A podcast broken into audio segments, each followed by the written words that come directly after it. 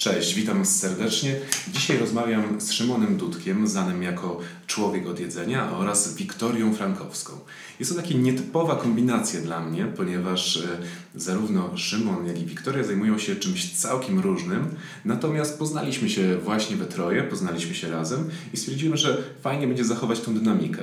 Więc może pozwolę Wam się przedstawić i już Szymona troszeczkę zdradziłem, mówiąc, że jest człowiekiem od jedzenia. Tak, dokładnie. Cześć, dzień dobry, witam Was serdecznie. E, słuchajcie, ja jestem faktycznie Szymon i faktycznie jestem człowiekiem od jedzenia. Zajmuję się jedzeniem właściwie całe życie i tak naprawdę dążę do tego, żeby w przyszłości zostać kimś na zasadzie krytyka kulinarnego, analityka restauracji, no jeżeli tak to można nazwać. A ja jestem Wiktoria, tak jak już zostałam przedstawiona.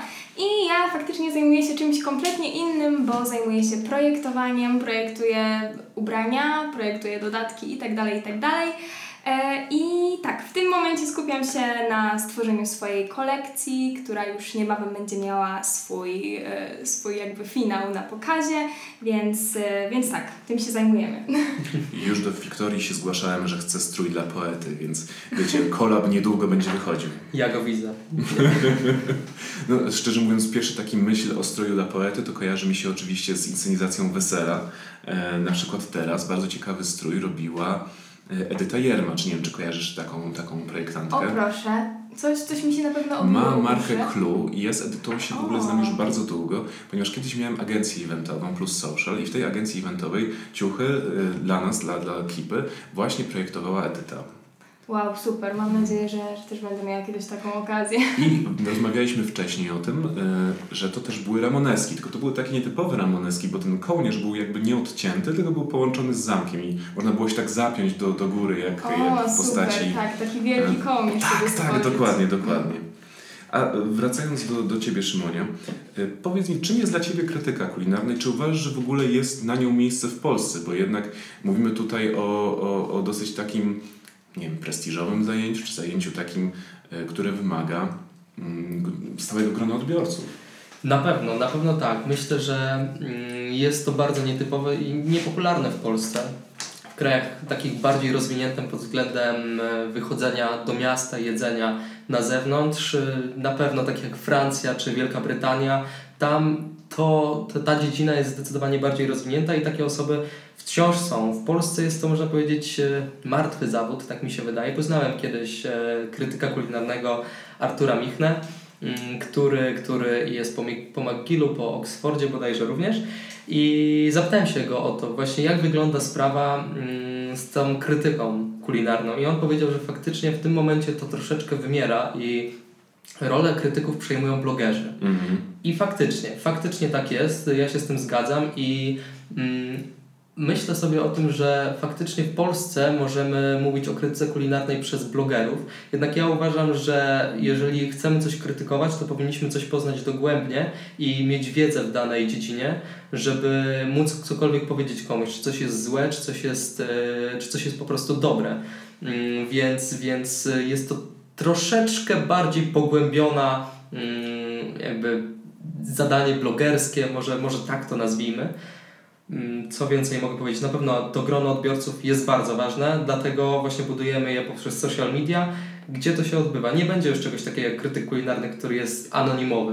Mm. Tego nie będzie, ale myślę, że można to zastąpić właśnie takim konsekwentnym i profesjonalnym blogowaniem mm. i kreowaniem, może nie gustów, ale, ale tego, jak ma A nie jest tak, że krytycy kulinarni, którzy chodzą dla Golden Milo czy e, Michelin, oni są anonimowi i oni wykonują ten zawód przyznając te gwiazdki, czy przyznając tutaj inne wyróżnienia, właśnie muszą zachować tą anonimowość po to, żeby być traktowani tak samo jak reszta? Faktycznie, faktycznie tak jest i nawet swego czasu zastanawiałem się, jak można zostać krytykiem dla chociażby GMIO, i sprawa w ogóle jest o tyle specyficzna, że tak naprawdę w tym momencie, żeby zostać krytykiem dla GoMio, e, niezbędny jest poza oczywiście e, dobrymi kubkami smakowymi, tak, umiejętnościami sensorycznymi, bardzo ważne jest zaplecze finansowe, ponieważ trzeba mieć e, w ogłoszeniach, które, z którymi się spotkałem, było właśnie wspomnienie i duży nacisk na to, że trzeba mieć inne źródła utrzymania niż e, ten konkretny zawód, bo prawdopodobnie dlatego, żeby nie być przekupowanym.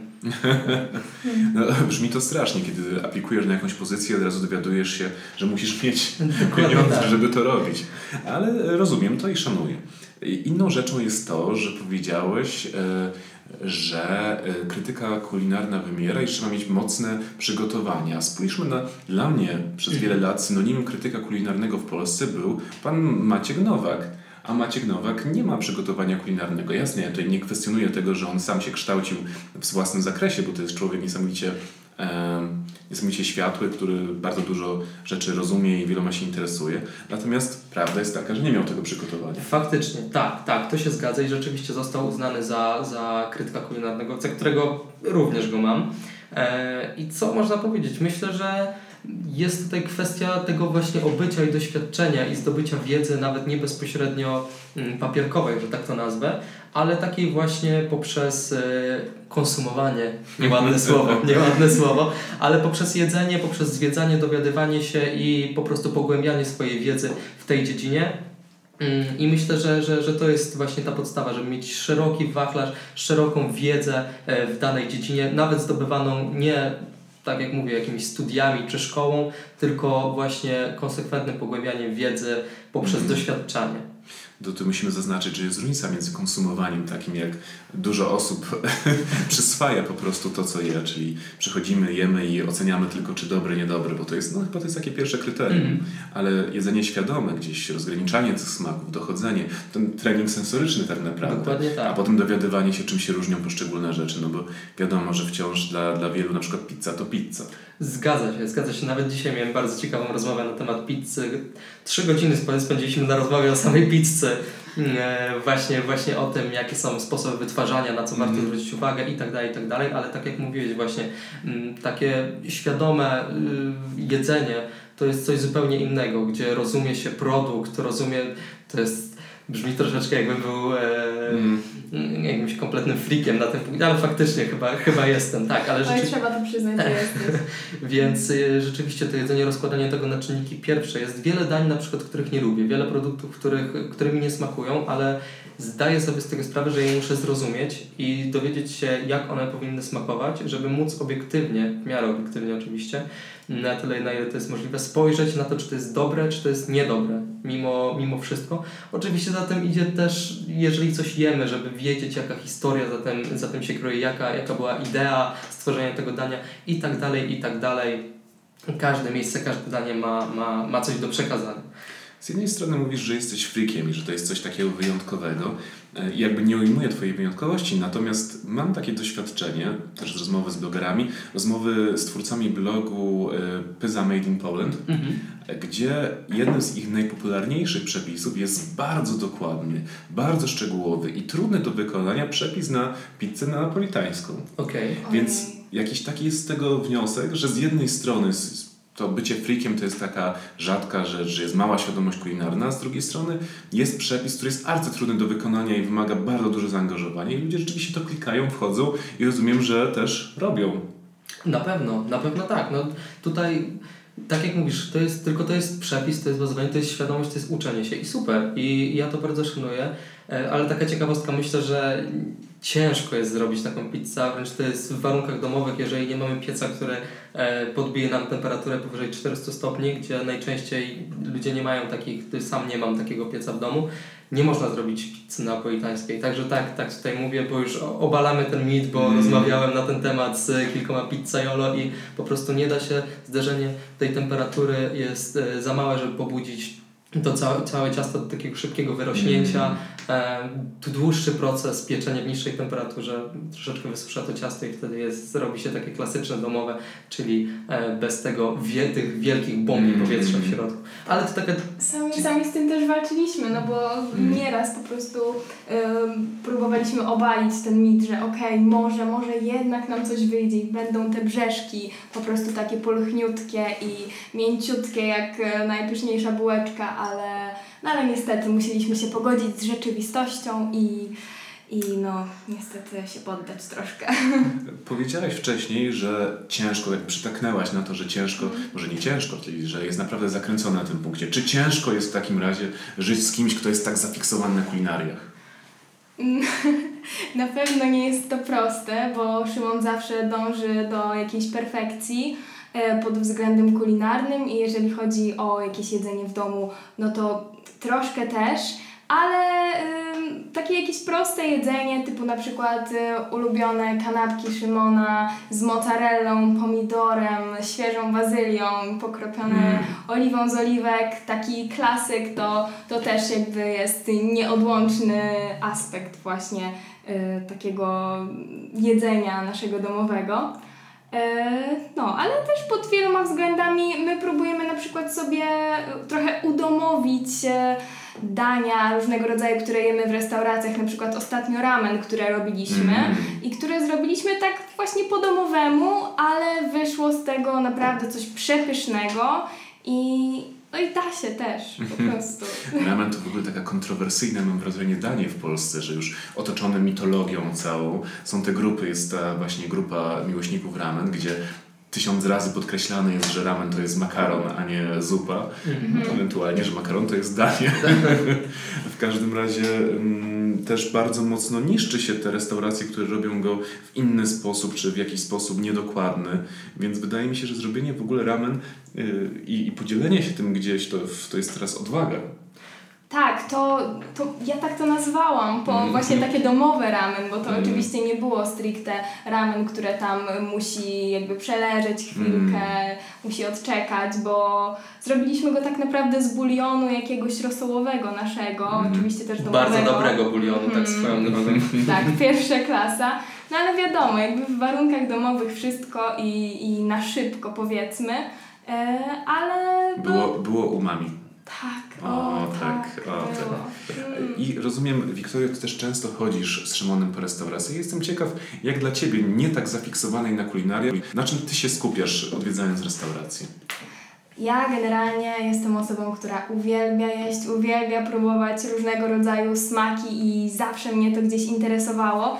I poniekąd właśnie y, dlatego też y, gdzieś tam z Szymonem wylądowaliśmy e, razem, bo po prostu y, mieliśmy o czym też, co, co, coś takiego, co nas połączyło, bo tak naprawdę ja zaraz po tej mojej modzie, po tym projektowaniu, no, d- uwielbiam kuchnię, uwielbiam jedzenie, jak e, mówię, i uwielbiam właśnie odkrywanie i docie, dociekanie gdzieś tam, y, co, co mamy na tym talerzu, jakieś smaki, które na przykład nie są y, widoczne gołym okiem i nie wiem, na przykład nie są napisane dokładnie tam w menu, co tam Mm. zawarte jest, bo ostatnio też nawet mieliśmy taką sytuację, że byliśmy w restauracji i e, e, i e, właśnie Szymon był wtedy chory i ja właśnie tam dostrzegłam jakiś element, że, że tam była uży, użyta Mm. oliwa truflowa, y, a, a właśnie nie, nie było jej bez, bezpośrednio w tej rozpisce. I no gdzieś tam po prostu się uzupełniamy i się cieszę, że, że też mogę gdzieś tam ewentualnie być jego może nie prawą, gdzieś tam drugą, trzecią ręką. Mm, tak, ale Ja myślę, że, że właśnie tak to wygląda, że Wiki mimo wszystko też ma, ma na punkcie tego jedzenia hopla, czy można Mhm. tak powiedzieć? Czy to Oczywiście, tak. O, cudownie, cudownie. Czasami boję się przy Tobie używać jakichś innych sformułowań, żeby, żeby nie było, że słuchałem wcześniejszego mm, znaczy wywiadu, rozmowy tak swoją drogą i właśnie tam był poruszony temat przecinków Mhm. i miałem straszne wyrzuty sumienia, bo ja mam duży problem z przecinkami I, i, i tak sobie o tym pomyślałem. No, w każdym razie rzeczywiście była na przykład taka sytuacja, gdzie ja miałem zatkany nos, zaczynałem, przestałem czuć smak troszeczkę i Vicky stała się moją właśnie, moją prawą ręką i, i mówiła mi, co to, jak to dokładnie wygląda. Zaraz po tej kolacji oczywiście ja mówię, dobra, nigdzie nie wychodzę teraz, bo to Mhm. jest e, kompletnie pozbawione sensu, żeby jeść i mówić, czy to jest smaczne, czy to jest niesmaczne i tak dalej, gdzie czujesz smaku. Natomiast no, myślę, że, że nie mógłbym mieć blisko też osoby, która faktycznie mm, tego jedzenia no nie kocha, no gdzie trzeba kochać. No ja kiedyś miałem taką sytuację, że spotykałem się z dziewczyną, która jawnie mówiła, że niespecjalnie lubi poezję. I tak, to było Wow. to... O nie, jak, jak to się w ogóle stało? A, wiesz, miłość ślepa jest. Nie, w każdym razie było to Oj. ciekawe doświadczenie. Ale wracając, ym, tak, tak, krytyka kulinarna w tej formie nie, nie ma sensu. Natomiast ramen mógł Cię w tym momencie uratować, prawda? Bo właśnie jakiś taki esencjonalny napar, duża ilość imbiru, no to brzmi jak y, idealne lekarstwo. Dokładnie, dokładnie tak i właśnie wtedy zrobiliśmy ten ramen domowy. Dokładnie po. Wszystko układa się w sensowną historię, doskonale. Oczywiście. A wracając do Ciebie, Wiktorio, Ty teraz bronisz dyplomu, Dokładnie. przygotowujesz kolekcję. Opowiedz Tak, nam tak. troszeczkę o tym. Um, ojej, to jest bardzo jakby złożony, złożony proces, bo y, ja tak naprawdę jestem teraz w MSKPU, czyli w Międzynarodowej Szkole Kostiumografii i Projektowania Mhm. Ubioru. Ale I- reklama. Tak, ale Niestety jakby, nam nie płacą za to. żeby wszystko było Skąd jasne wiesz? i klarowne. E, tak, ja, ja tam się uczę tak naprawdę, teraz już jestem na, na trzecim roku i ten mój ostatni rok właśnie jest poświęcony stricte stworzeniu tej kolekcji, Mhm. odszyciu, stworzeniu filmu, stworzeniu sesji zdjęciowej e, i oczywiście pięknego portfolio podsumowującego tą moją naukę i jakieś tam moje doświadczenia.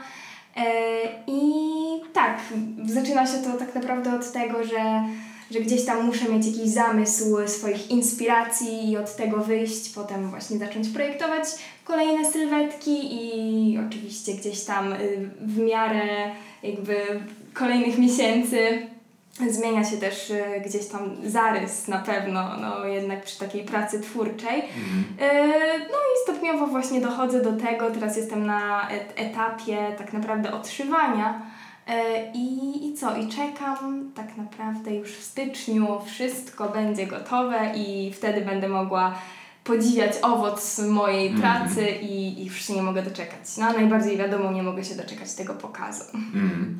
Rozumiem, że to jest coś, co jest owocem pracy trzech lat, ale to nie zaczęłaś teraz się interesować. Więc rozumiem, że już wcześniej miałaś wizje, które teraz jakby owocują.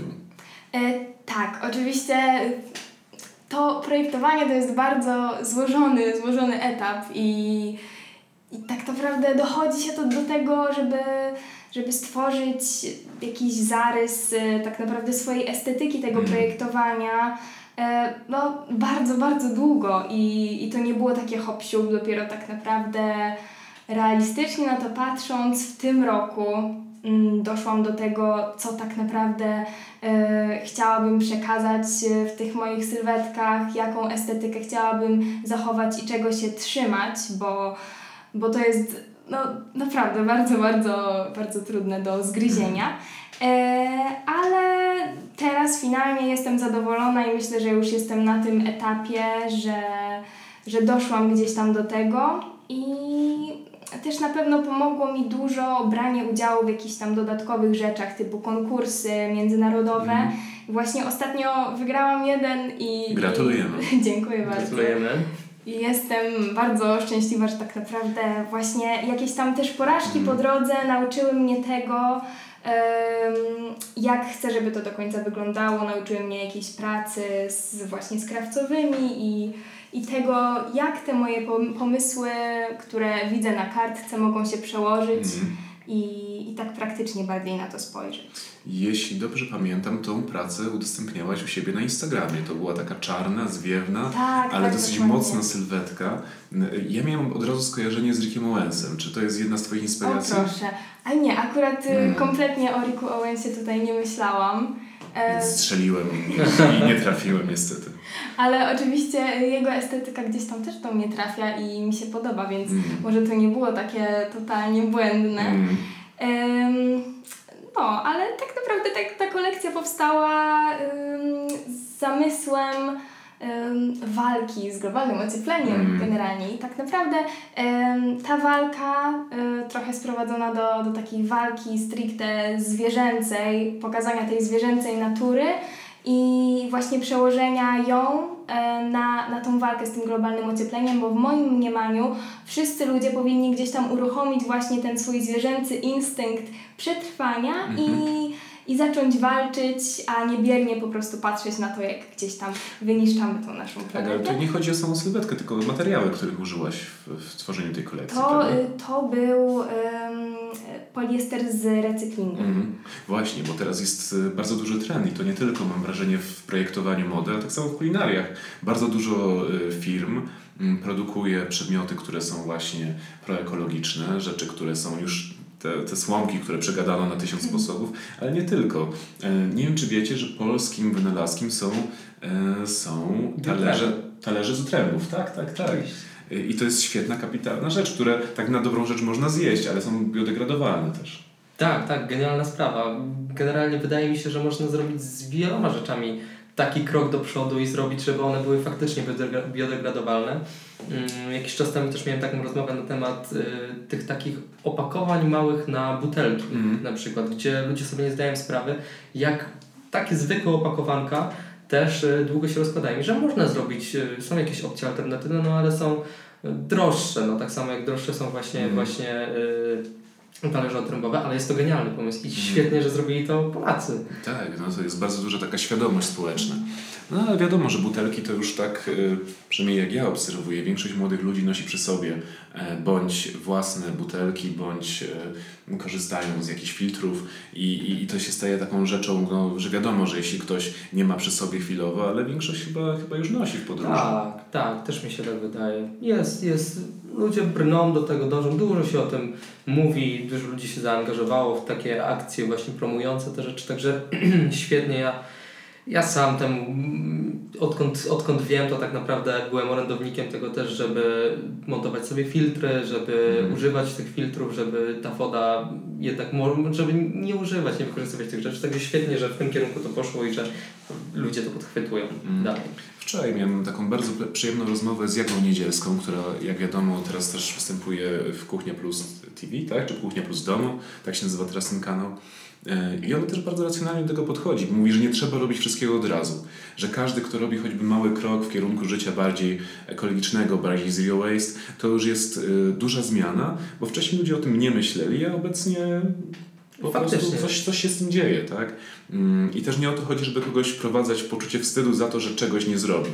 To raczej chwalić za to i w moc, w taki pozytywny sposób, takie psychologiczne pojęcie, pozytywnie wzmacniasz te, te, te tendencje do tego, żeby robić cokolwiek z tym. Dokładnie tak, dokładnie tak. I zaraz właśnie pomyślałem sobie o tym, jak powiedziałeś, że żeby nie mówić ludziom, że robią źle, Mhm. y, tylko doceniać te, te nawet małe kroki.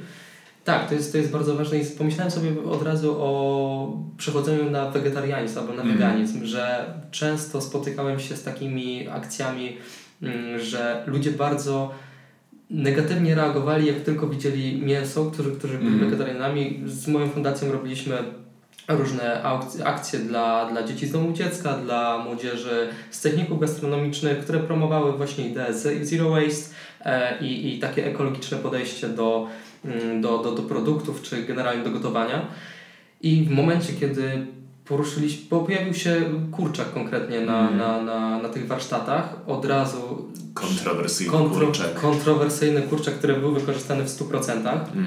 Mm, gdzie właśnie chodziło nam o to, żeby wykorzystywać maksymalnie produkty, jeżeli już je otrzymujemy, to, to zlecieli się, znaczy zlecieli się, nieładne słowo, przyszli od razu na nasze, na nasze jakieś tam kanały social media, wege, weganie, wegetarianie i zaczęli bardzo mocno atakować, agresywnie podchodzić do tego, że jak my możemy jeść mięso, promować mięso i tak dalej, i tak dalej. Gdzie tak naprawdę zamiast docenić to, że jeżeli wspomnieć o tym w jakiś e, normalny sposób, że a może pomyślelibyście o tym, żeby zrobić warsztaty pozbawione mięsa.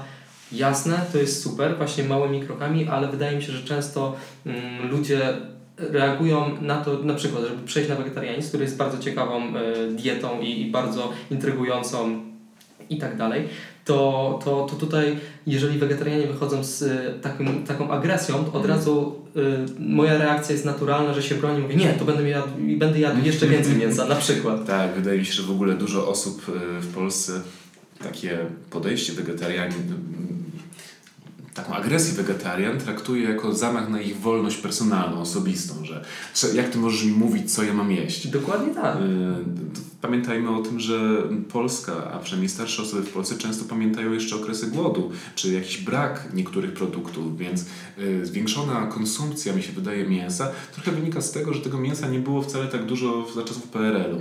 Więc teraz, kiedy ktoś mówi odejść od mięsa, to jest to triggeruje złe wspomnienia. To jest jedna rzecz. A druga rzecz, ja też rozumiem wegetarian z drugiej strony, bo rozumiem, że żeby jakaś zmiana zaszła w społeczeństwie, to trzeba trochę przegiąć. To troszeczkę tak jak e, z budowaniem świadomości zasadniczej czegokolwiek. Trzeba przegiąć w jakąś stronę, żeby to się znormalizowało do takiego okay. poziomu środkowego. Więc z jednej strony rozumiem ekstremizm, ale nie rozumiem też agresji w nim.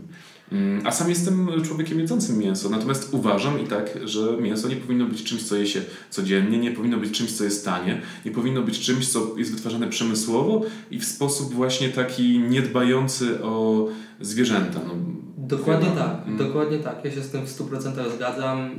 Sami usłyszałem ładne określenie na to, jesteśmy flexi-wegetarianami. Mm. to znaczy w domu praktycznie u nas nie ma mięsa, nie pojawia mm. się, oczywiście pojawiają się sery, które, które kochamy, ale jeżeli wychodzimy już do restauracji, no to, to, to jemy to mięso, bo i myślę, że Ty lubisz ten smak i jakby to, co można z niego zyskać i ja, tak, ale... Tak, zdecydowanie, ale jesteśmy takimi osobami, którym nie jest to gdzieś tam niezbędne i jeżeli chodzi o właśnie takie gotowanie w domu, to nie jest to nasze takie must have i, i kompletnie od tego no, odchodzimy i, i nie kupujemy.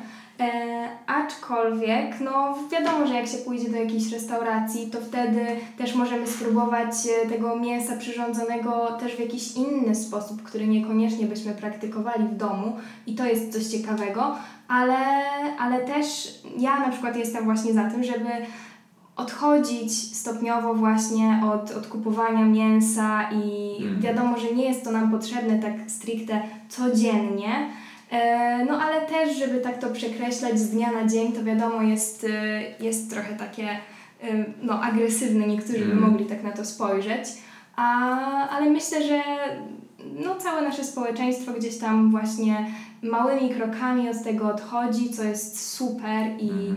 i mega mi się to podoba i też gdzieś tam jesteśmy tego częścią. No właśnie ostatnio wyszedł ranking i okazało się, że Warszawa jest szóstym najbardziej wegetariańskim miastem w Europie.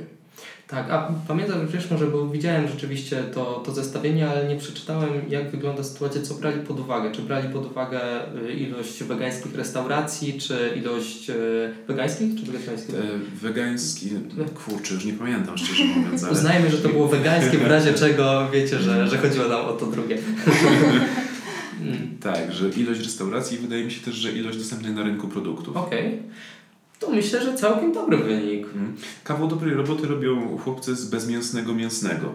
Dla tak. tych osób, które, które rezygnują z właśnie z mięsa z powodów etycznych, dostają takie fajne alternatywy. Na przykład, nie wiem, czy próbowałeś kiedyś tak, tak, tak. Mieliśmy, mieliśmy okazję właśnie spróbować. Nawet w, razem byliśmy na mm, targach wegańskich. Tak, byliśmy, byliśmy. To było, to było bardzo miłe. E, to w ogóle już mówiąc o tych targach samych, było niesamowicie dużo osób tam. Ojej, tak. ogromnie. Ja się w ogóle kompletnie nie spodziewałam tego, że mhm. będzie tam aż, aż ty taki tłum. No, mhm. no byłam w szoku, ale, ale super. Właśnie widać, że, że jednak brniemy do tego i, i próbujemy gdzieś tam poznawać te nowe smaki, niekoniecznie tylko mięsne. Choć z drugiej strony ja byłem rozczarowany niektórymi produktami. Tak, Fakt. tak, tego się nie da też ukryć. Więc wydaje mi się, że taka stawianie znaku tożsamości pomiędzy tym, że coś jest wegetariańskie, to jest z automatu czy smaczne, czy zdrowe, bo to też jest co innego, że dużo z tych rzeczy nie jest zdrowych. Um, no bo nikt mnie nie oszuka, że zastąpienie tam oliwy z oliwek, czy nie, czy tłuszczu, mhm. kurczę, teraz nie chcę, nie chcę głupoty palnąć, ale wiem, że są jakieś właśnie tłuszcze z sezamu, które też nie są specjalnie zdrowe w nadmiarze. Oczywiście, że tak. No właśnie to jest to, to o czym mówisz, że nie możemy stawiać tego, że wegetarianizm czy weganizm to, jest, to zawsze jest zdrowe jedzenie, bo mamy wiele przykładów tego, jak chociażby restauracji, które, które, w których to jedzenie wegańskie nie jest dobre, jak chociażby Mm, holenderski vegan junk food bar, gdzie po prostu jest junk food, tylko w wersji wegańskiej, który jest przepyszny. Jest, jest kompletnie pyszny. Boże, to, to zmieniło w ogóle całe moje podejście do, do takiego mięsa, nie mięsa. A co tam jedliście? Oj, Oj, i dużo rzeczy. tak. Jedliśmy e, pyszne burgery, jedliśmy coś, co, co miało być krewetką i Mm. naprawdę jakby smakowało jak krewetka. i E, kalmara, coś, to coś, co miało być kalmary, jakie były cudowne, ta konsystencja, smak, po prostu wszystko to było jeden do jednego, albo jeszcze smaczniejsze.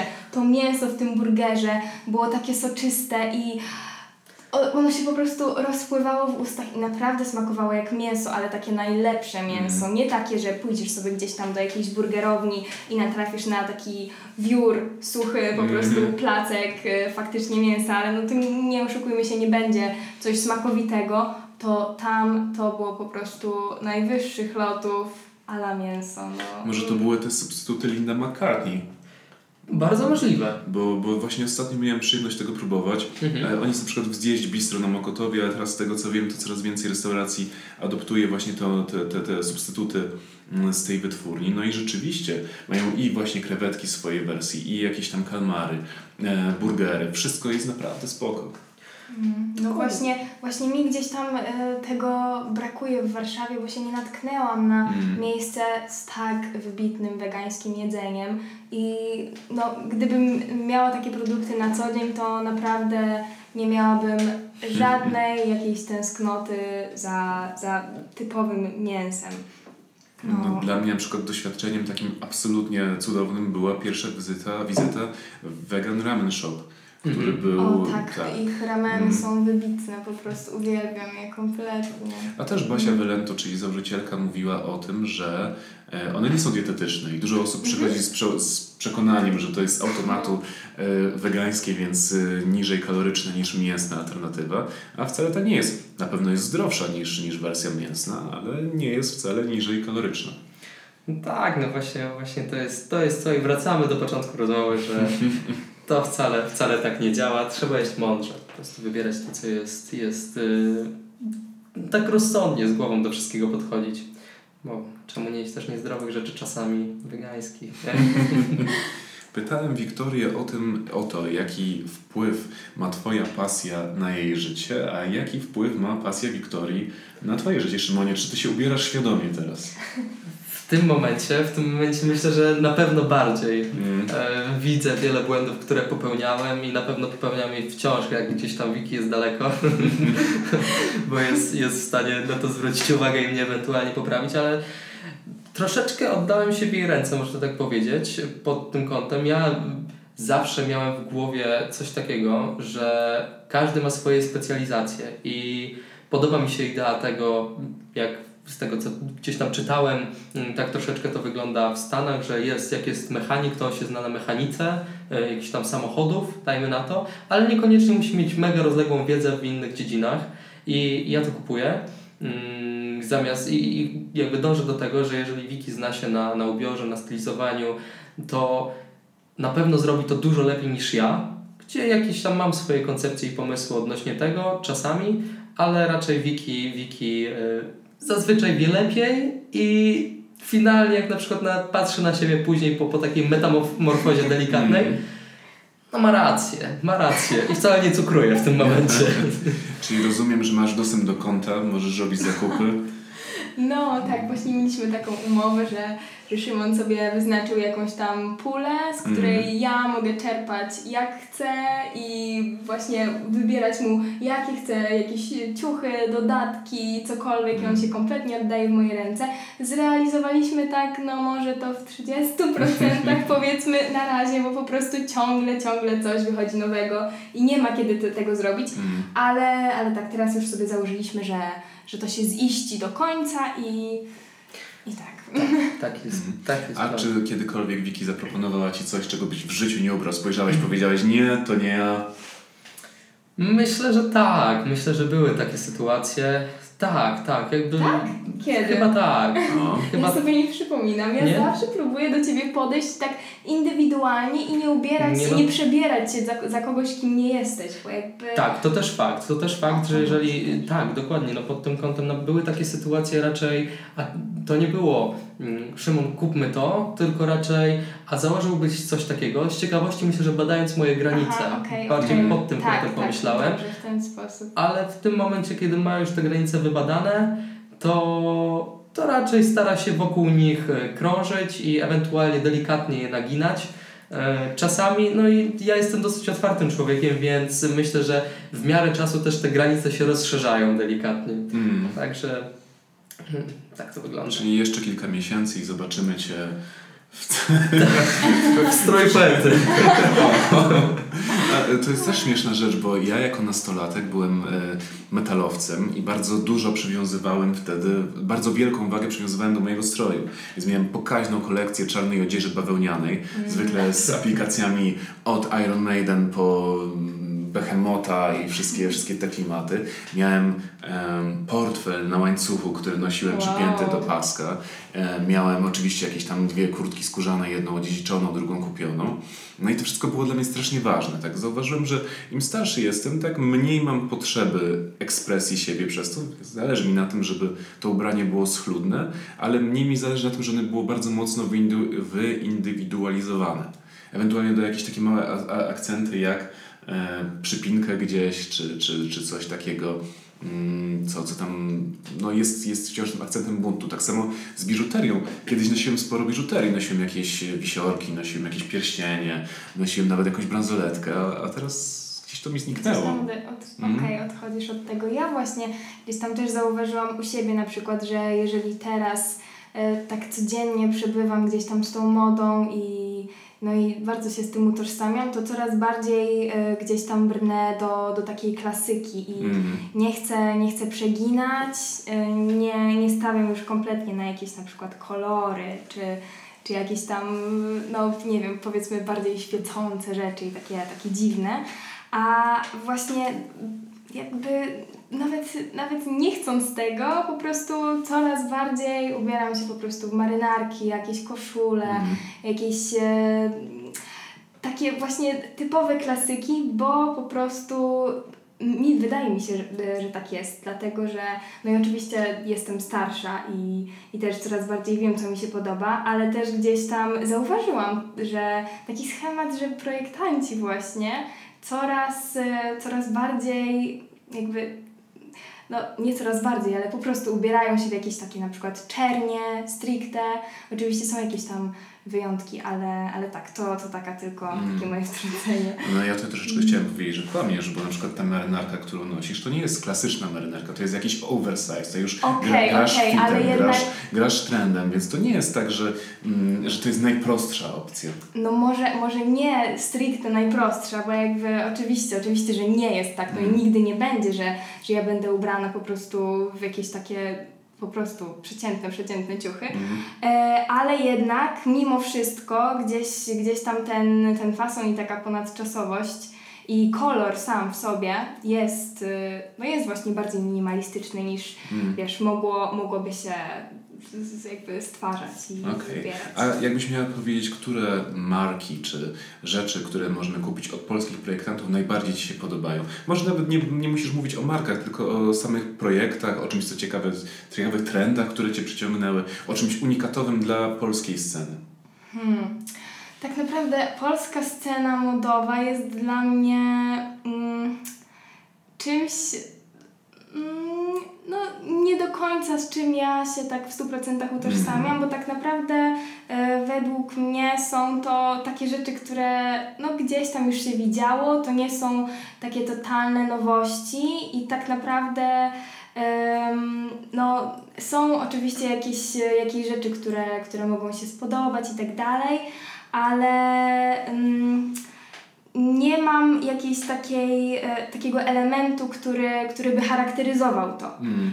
Wiadomo, każdy ma gdzieś tam swój styl i na przykład my najbardziej chyba zapamiętujemy gdzieś tych polskich projektantów e, przez, przez jakieś pokazy albo przez to, że, że gwiazdy chodzą w O tak, ich ja rzeczach. właśnie e, rozpoznałem większość tych e, ciekawszych rzeczy, chociaż z drugiej strony, na przykład ja pamiętam, jeszcze Misbehave było małą marką. Mhm, ja tak, kupiłem tak. pierwszą ich bomberkę, która w ogóle była gdzieś na targach, bo jeszcze nawet chyba nie mieli strony internetowej Mhm. i ona kosztowała chyba 200 zł, 220, więc w ogóle teraz porównując sobie, się, sobie to do tego, że e, bomberka O, mniej kosztuje tak, tak, 1200 czy oni bardzo- 1500, a, skóra 3, 3000? Tak, tak. no to już są poważne ceny. No, ale- ale, ale świetnie to zrobili. Oni naprawdę tak globalnie podeszli do sprawy, bardzo się rozwinęli i to jest właśnie jedna dla mnie z takich y, inspiracji, jeżeli chodzi Mhm. właśnie o, o ten swój biznes, który stworzyli i sama ich stylistyka też bardzo, bardzo mi się podoba. Właśnie oni i Magda Butrym to są dla Mhm. mnie takie, mm, takie marki, które, które ja ubóstwiam, jeżeli chodzi właśnie o tą scenę modową polską. E, ale oni właśnie też tam gdzieś bardziej wyszli poza tą Polskę jednak i stawiają na trochę inny rynek. I, I dlatego ja ich tak w 100% nie utożsamiam gdzieś tam z tym takim polskim stricte modowym światem. Tak, no bo jednak Miss Lee Hay wskakuje na każdy trend. Tam skoczyli na tą Mhm. traszową estetykę, na taką Gosza Lubiński, tak się nazywał? Tak, ten, tak, ten tak, od, tak. od, od Mhm. dress estetyki. No też wydaje mi się, że tam dużo tego było. Yy, gdzieś tam też jakiś takie, taki flirt z tym, co robił Wetmłał, mi się wydaje, Mhm. że też yy, w tym widać. Tak, tak, to jest podobna stylistyka Mhm. zdecydowanie. Więc wydaje mi się, że, że rzeczywiście to jest troszeczkę oderwane, ale z takich jeszcze ciekawych rzeczy ja pamiętam na przykład taką markę jak UEG. Okej. E, Oni robili z tybeku rzeczy, czyli z tego takiego Mhm. papieru z recyklingu i to było też, wydaje mi się, wyprzedzające epokę, Mhm. bo te ubrania już było, nie wiem, 6 lat temu, 5-6 lat Mhm. temu Tak, dostępne. tak, kiedyś kompletnie tego nie Mm, było. Tak, tak. I to było coś nowego i coś fajnego i też to było w takich w miarę przystępnych cenach, bo te kurtki oscylowały około 300 zł. Mhm, Więc okej, wydaje mi się, no że to wciąż-. No jeśli chodzi o tych projektantów y, polskich, no to oni się cenią, tak. Tak, pewnie, pewnie, że tak. To znaczy, no wiadomo, nie wszyscy, bo tam są jakieś takie ym, pojedyncze marki mniejsze, które, które też można za tyle upolować. E, no ale ci, ci więksi, jakby najbardziej rozpoznawalne nazwiska w Polsce, no to tak, tak, zdecydowanie to jest jakaś wyższa półka cenowa. Mm. Tak sobie myślę, nie, że generalnie fajnie posłuchać ludzi, którzy, którzy mają wiedzę w tej, w tej dziedzinie. Mm, Spodziewałem się, Damian, że masz, tak daleko pasujętą. Jestem pod wrażeniem, także świetnie. Ale chciałem dodać tylko, że, że rzeczywiście ta marka Magda Butrym Mm. to jest coś niesamowitego. Ja troszeczkę też inaczej patrzę na to, bo patrzę pod kątem mm, takim gospodarczym albo logistycznym i niesamowite jest, jak ona wyszła poza, Mhm. poza wszelkie schematy i tak naprawdę nie zaczęła swojej kariery w Polsce. Mm. Także to jest, to jest niesamowite, a jak się rozwinęła, że tak naprawdę w tym momencie jest wykorzystywana do największych reklam, które, które pojawiają się i w Londynie, i, i w innych krajach. Także można tak sprawdzić. Czyli twoje podejście jest bardziej marketingowe, patrzysz na to jako na biznes. Trochę tak, tak. No nie będę ukrywał, że jednak też to, to w którym kierunku się uczę, gdzieś tam mam, pod, cały czas biorę pod, pod uwagę to, że będzie trzeba troszeczkę kontrolować rozwój Wiktorii. No wiadomo, każdy, każdy będzie robił to, na czym się zna, więc tutaj to oparcie względem logistyki będzie ogromne i to jest też wielki plus. I jedzenie, i logistyka, no czego chcieć więcej. Bardzo mi się podoba taka synergia. Ja, y, jak mówisz, że znam się, no niekoniecznie, właśnie mam taką dosyć powierzchowną wiedzę, natomiast y, no tak trochę jest tą filozofią, że uczysz się nie specjalizacji, tak jak mówię, że tobie się podoba specjalizacja, tylko raczej uczysz się tego, że wiesz coś o wszystkim, Okej. a niczym nie jesteś wyspecjalizowany. Teoretycznie moją specjalizacją jest filozofia analityczna, ale praktycznie o tym nie mam okazji e, opowiadać, może niezbyt często przynajmniej. Ja myślę, że powinieneś zrobić odcinek, w którym o tym opowiadasz, że to jest bardzo ciekawe tak naprawdę. Jest taka możliwość, ponieważ już rozmawiałem ze znajomym, który wykłada na UW i też ma do mnie wpaść, więc może będzie taki odcinek, tylko musimy to zrobić tak bardziej popkulturalnie, żeby to było Tak, tak, tak, na pewno. Tak. Więc odcinek o Wittgensteinie nadchodzi.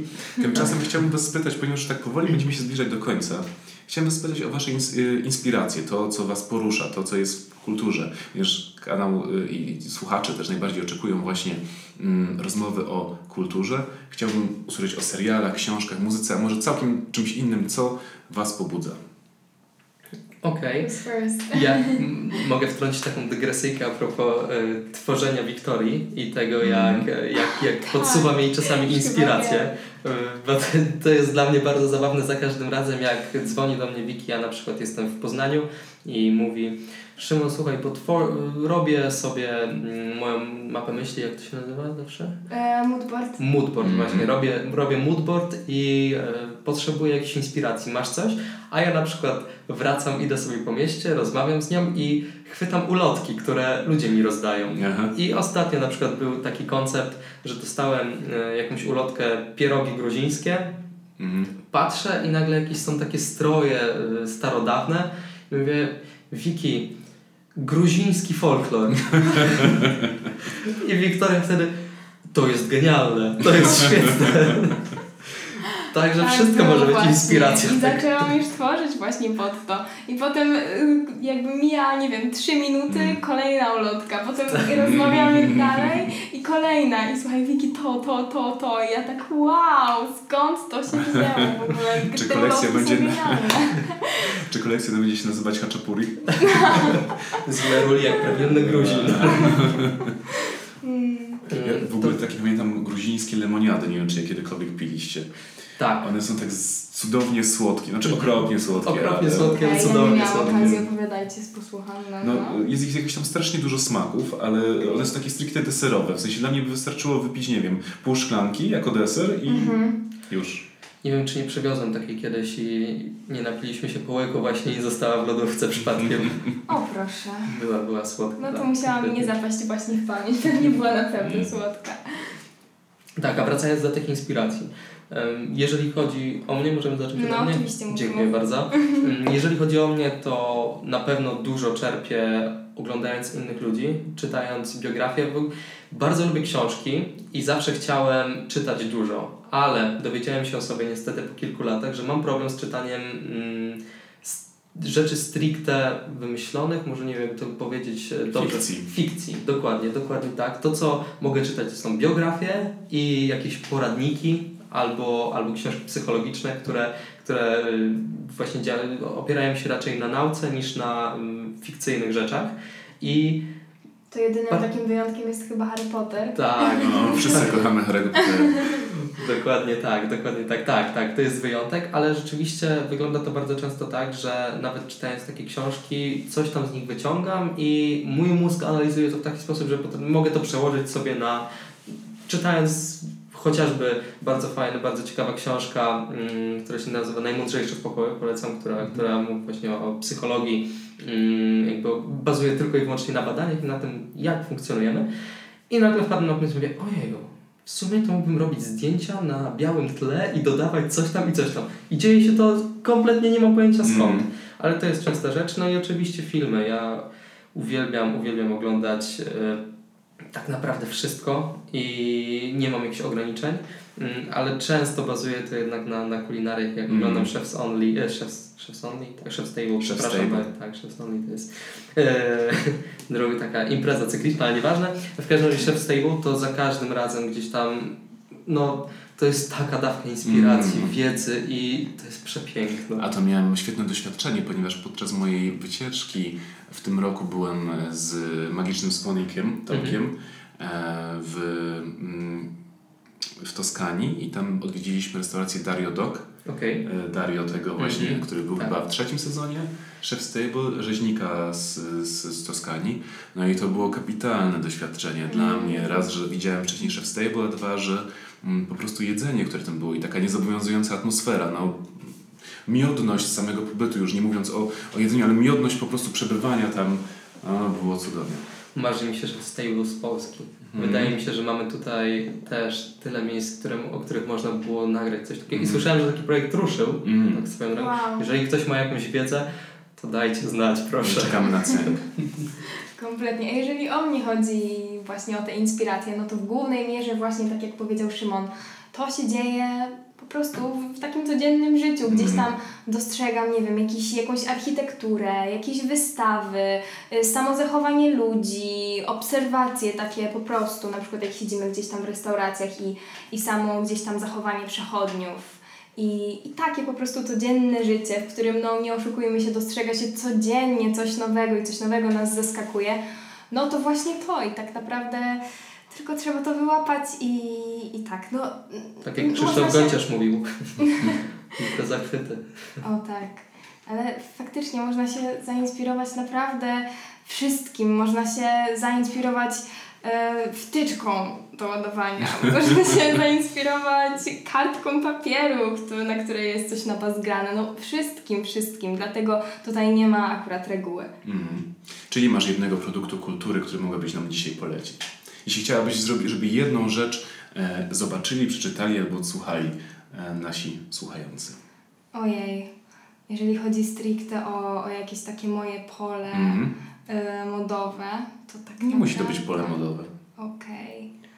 Mm, Nic mi w tym momencie nie przychodzi do głowy, ale ostatnio zaczęłam sobie słuchać bardzo przyjemnych podcastów. Tu Okuniewska, Mhm. jeżeli kojarzysz. to- Kojarzę, kojarzę, tak. Tak, i bardzo ją, bardzo ją uwielbiam i cenię i, i to jest taka właśnie osoba bardzo spontaniczna i dużo Mhm. też można się tam dowiedzieć takich mm, rzeczy, na przykład o, o Reykjaviku i Mhm. właśnie przekazanych w takich bardzo, bardzo sympatyczny sposób. Mhm. Taki, taki bez spinki i, i tak. Jeżeli nie, nie wiecie o kogo chodzi, to sprawdźcie sobie tu Okuniewska podcasty Warto też. słuchać Okuniewską, warto też słuchać nas, warto Dokładnie. obserwować na Instagramie Człowieka od Jedzenia i Wiktorię Frankowską. Warto spoglądać na to, co robią, ponieważ uważam, że to będzie się cały czas rozwijać, że to będą bardzo ciekawe rzeczy i dziękuję Wam bardzo za wizytę. Dziękuję My bardzo. tobie A mam jeszcze jeden taki koncept, jak mogę go wprowadzić. E, może, czy można komentować te podcasty? Można gdzieś coś o nich pisać? Kurczę, wiesz co, ym, nie ma takiej możliwości na Spotify'u, y, ale lądują gdzieś tam na mojej stronie, więc chyba tam można rzeczywiście z- jakoś ulokować to. To może zrobilibyśmy coś takiego, że jeżeli ktoś dotrwał do końca tej rozmowy, to żeby, No to jeden z dłuższych będzie. to żeby napisał albo, albo w wiadomości prywatnej, albo żeby gdzieś tam, gdzie można to skomentować, dał znać. Strój poety? Czy to jest dobre słowo? Dobrze. Dziękujemy pięknie i do usłyszenia. Dziękujemy. Dzięki.